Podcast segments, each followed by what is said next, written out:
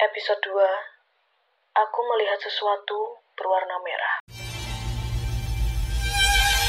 Ini terjadi tiga tahun setelah aku berhasil menangkap penampakan menggunakan efek negatif di kamera ponselku. Aku masih sangat ingat kejadiannya. Kejadian ini terjadi pada hari Kamis, tepatnya pada dini hari, pada pukul 3. Saat itu aku terbangun karena merasa sangat haus. Setelah aku meneguk minumanku hingga tandas, aku beranjak untuk kembali tidur.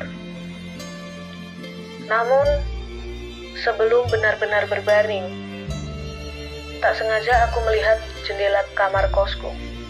Tirainya sedikit tersingkap. Dengan perasaan kesal, aku bangkit lantas membenarkan tirai yang tersingkap itu.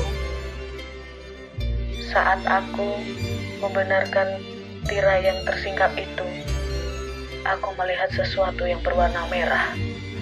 Aku tidak memedulikan sesuatu yang berwarna merah itu.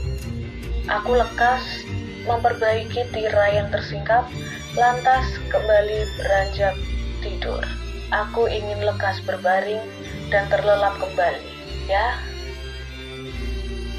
Aku berbaring lalu perlahan tertidur. Namun tiba-tiba, otakku memaksaku untuk tetap terjaga, memikirkan sesuatu yang baru saja terjadi. Aku tidak tahu apa yang lebih menakutkan dari sesuatu berwarna merah di depan kosku, atau kenyataan bahwa aku tidak memiliki benda atau baju yang berwarna merah.